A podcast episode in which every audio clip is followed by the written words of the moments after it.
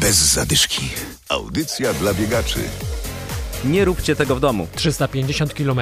Dziś powiemy o ultra długim biegu. Adam Michalkiewicz i Adam Sołtysiak zapraszamy. Na pokonanie tego dystansu biegacze mają 4 dni. Bieg przez Szkocję zaczyna się jutro, a startuje w nim poznaniak Artur Kujawiński. Największym problemem jest na pewno sen, ale tutaj jest bardzo duża motywacja, siła woli i, i w zasadzie adrenalina. Bardzo duża jest logistyka, ponieważ samo spakowanie wszystkich rzeczy, przewidzenie pogody, tak jak tutaj mamy Szkocję, będzie bardzo deszczowo na pewno. Mamy kilka punktów y, tak zwanych przepaków, na których możemy zostawić rzeczy, ale praktycznie ja muszę przygotować no, co najmniej ze 4-5 pełnych kompletów do biegania na różne y, punkty rozmieszczone na tych 350 km, ponieważ w zależności od pogody, wychłodzenia muszę być przygotowany na, na zmianę. Są też problemy z tym, żeby dobrać y, żywienie. Mogę zostawić na niektórych punktach, ale czasami między jednym punktem a drugim jest y, ponad 40 km różnicy odstępu. Bieg jest o tyle trudny, że w zasięgu wzroku przed nami może się zdarzyć, że dwie godziny przed nami i za nami nie ma żadnego zawodnika i tutaj jest już walka mentalna. Bardzo mało jest takich szaleńców. Y, Obecnie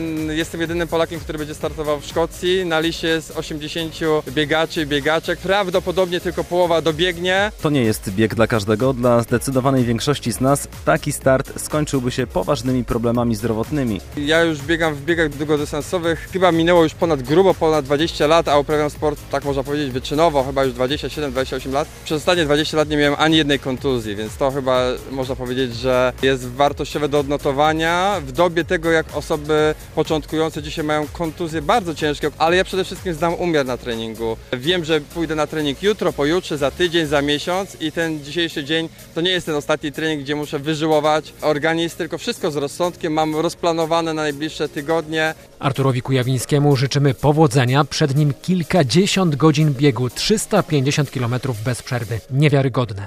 Zdrowie.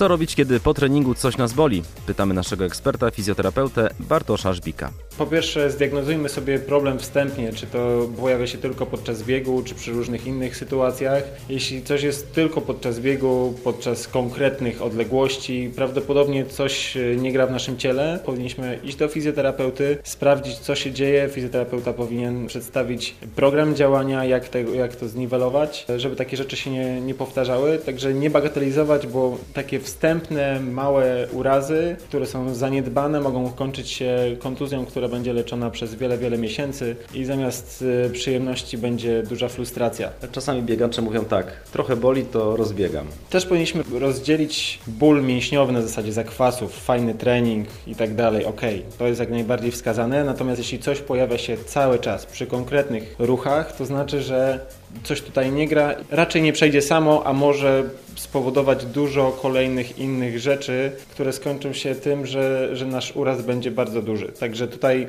zgadzam się, jeśli chodzi o rozbieganie jakieś tlenowe, lekkie, po mocniejszym treningu czuję, że mam zakwasy, czuję, że te mięśnie są napięte, natomiast jeśli są jakieś bóle ostre, jakieś opuchlizny i tak dalej, tutaj nie zwlekałbym, poszedłbym do specjalisty. W audycji bez zadyszki promujemy Wasze inicjatywy i zaglądamy dzisiaj do Czarnkowa, gdzie grupa biegaczy chce założyć stowarzyszenie. Na razie działają jako Akademia Biegowa Czarnków, mówi Paweł Garstka. Skupiamy około 30, ponad 30 osób. Ciągle myślę, że rośniemy w siłę. Co daje takie bieganie w grupie, takie sformalizowanie? Przede wszystkim myślę, że daje dyscyplinę. Jeżeli z kimś się umawiamy na bieganie, to siłą rzeczy nie możemy tak łatwo odmówić, zrezygnować. Jeżeli z kimś się umówiliśmy, trudniej jest dany trening bądź zawody opuścić. Jest dosyć duża grupa osób początkujących. To było oczywiście ideą tej inicjatywy, aby wdrożyć nowe osoby do biegania praktycznie od zera poprzez stopniowe, spokojne przygotowanie. Mamy też grupę osób bardziej zaawansowanych.